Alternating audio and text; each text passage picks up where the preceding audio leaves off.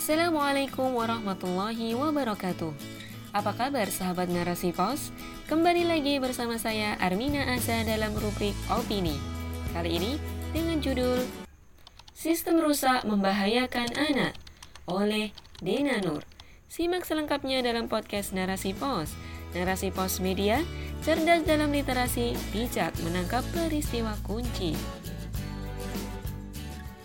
di masa kini, dalam sistem yang tengah berlangsung sekarang, kejahatan tak mengenal tempat. Pelakunya pun tak terduga, terlihat baik namun nyatanya bejat.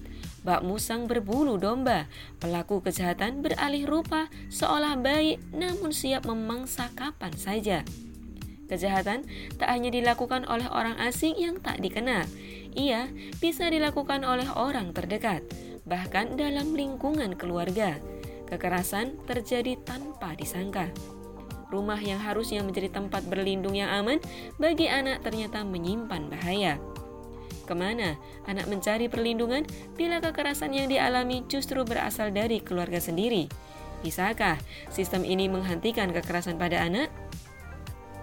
Anak, korban, korban kejahatan. kejahatan. Anak yang seharusnya mendapat kasih sayang dan perlindungan justru menjadi korban kekerasan yang dilakukan orang tua sendiri. Anak yang seharusnya mendapat kasih sayang dan perlindungan justru menjadi korban kekerasan yang dilakukan orang tua sendiri. Orang yang dipercayai justru tega melukai. Orang dewasa yang harusnya memberi contoh yang baik bagi anak-anak malah berperilaku buruk dan jahat kepada mereka. Mirisnya, kenyataan ini banyak terjadi di sekitar kita. Sebagaimana yang diberitakan oleh republika.co.id pada tanggal 7 September tahun 2021. Aris Merdeka Siroid, Ketua Komnas Perlindungan Anak mengatakan bahwa angka kekerasan terhadap anak terus naik meski di masa pandemi seperti sekarang. Ia mencatat bahwa ada 2.726 kasus kekerasan yang menimpa anak sejak Maret tahun 2020 hingga Juli tahun 2021. Dari jumlah itu, 52% adalah kekerasan seksual yang di antaranya dilakukan oleh orang terdekat, yakni anggota keluarganya sendiri. Kenyataan ini sungguh pahit. Bagaimana tidak, orang tua yang harusnya mendidik dan menjaga anak-anaknya justru berbuat kasar dan amoral. Orang tua tega melakukan kekerasan seksual kepada anaknya sendiri sebagaimana yang diberitakan dalam nasional.kompas.com pada tanggal 10 Oktober tahun 2021 terdapat kasus dugaan kekerasan seksual terhadap tiga orang anak yang terjadi di Luwu Timur Sulawesi Selatan. Kasus yang terjadi di tahun 2019 lalu ini sebenarnya telah ditutup oleh Polres Luwu karena kurangnya alat bukti. Kini, Kasus kekerasan seksual ini kembali mencuat dan menyita perhatian publik setelah Project Multatuli mempublikasikan laporannya pada Rabu tanggal 6 Oktober tahun 2021. Laporan tersebut mengungkapkan kisah ibu dalam mencari keadilan bagi ketiga anaknya yang mengalami kekerasan seksual. Terduga pelakunya adalah ayah korban sendiri menimbulkan kemarahan publik. Masyarakat meminta agar kasus ini diusut tuntas dan diberikan hukuman yang tegas.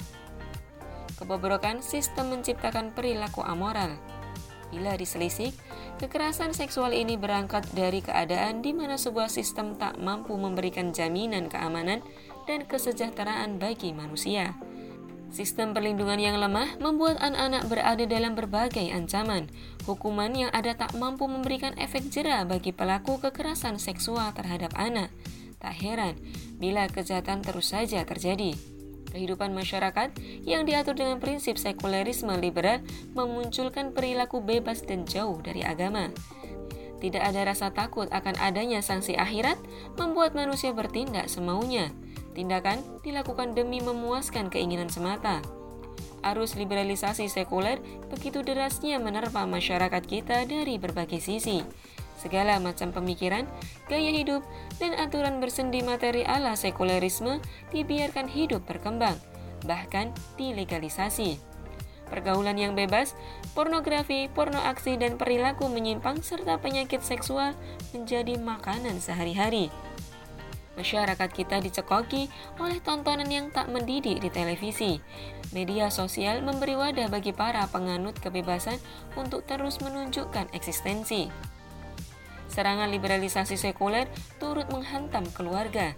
Ketiadaan pondasi yang kokoh menjadikan keluarga tak mampu menghadapinya. Tidak adanya prinsip akidah Islam dalam mendidik anak membuat orang tua tersesat di tengah gencarnya serangan liberalisasi Barat.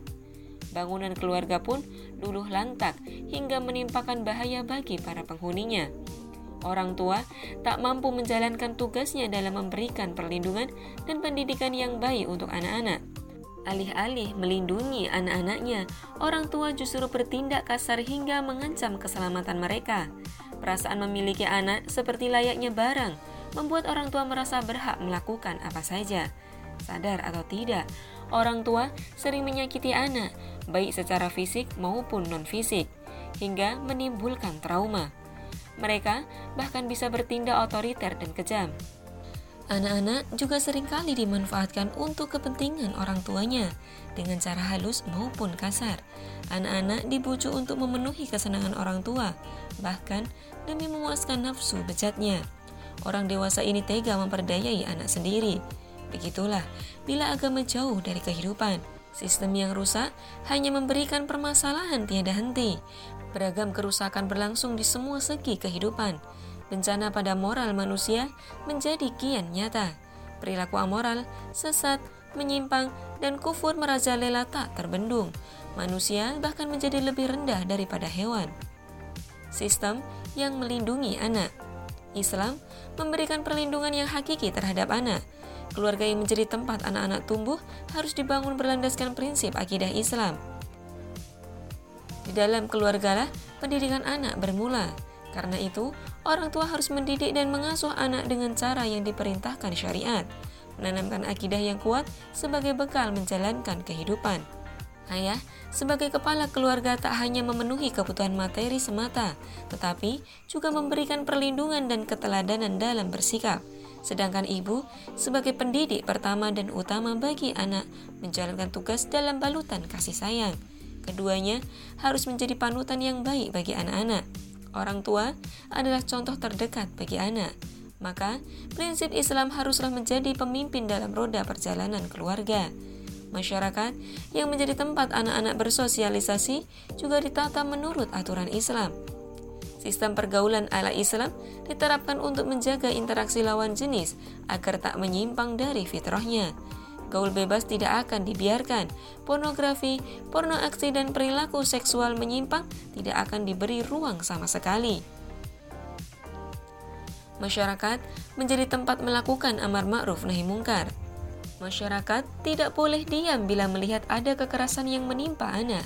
Masyarakat harus berupaya menghentikan dan mengingatkan bila terjadi pelanggaran terhadap hak anak Masyarakat juga saling menjaga dan tolong-menolong satu sama lain untuk menghindarkan dari hal-hal yang mengganggu keamanan dan ketenteraman. Saling menasehati di antara warga masyarakat agar segala bentuk penyimpangan bisa dicegah. Masyarakat juga mengoreksi setiap kebijakan dan aturan yang tidak sesuai dengan prinsip Islam.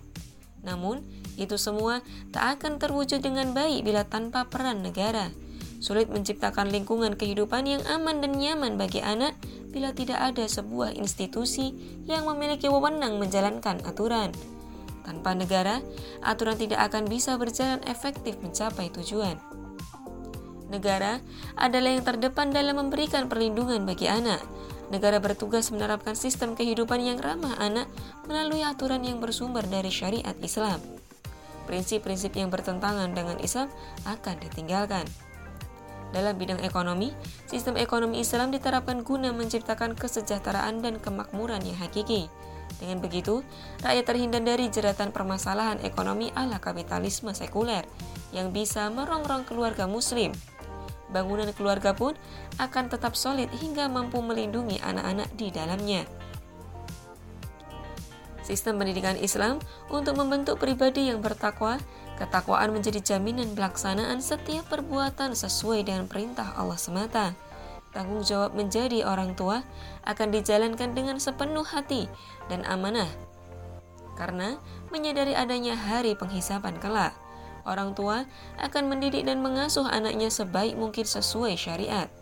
Sistem pergaulan diterapkan di dalam masyarakat agar kehidupan sosial dilingkupi ruh Islam yang menenteramkan jiwa. Naluri terhadap lawan jenis dijaga agar tidak terbangkit dan tersalurkan dengan cara yang liar, sebagaimana dalam alam liberalisme sekuler. Segala hal yang bisa menjadi jalan kejahatan seksual akan ditutup. Sistem sanksi yang tegas ditegakkan, sanksi tersebut akan mampu memberikan efek jerah bagi pelaku kejahatan, sekaligus sebagai penebus dosanya. Setiap kejahatan akan diberi hukuman yang setimpal. Hal ini bisa menjadi pencegahan agar kejahatan tak terus terjadi. Dengan begitu, anak-anak akan senantiasa aman dan terlindungi di bawah aturan Islam yang hakiki. Seperti inilah sistem yang dibutuhkan oleh anak-anak untuk menjaga keselamatan tetap terjaga. Dengan penerapan aturan Islam yang kafah melalui institusi khilafah, anak-anak akan hidup, tumbuh, dan berkembang dalam naungan penuh berkah. Wallahu a'lam bisawab.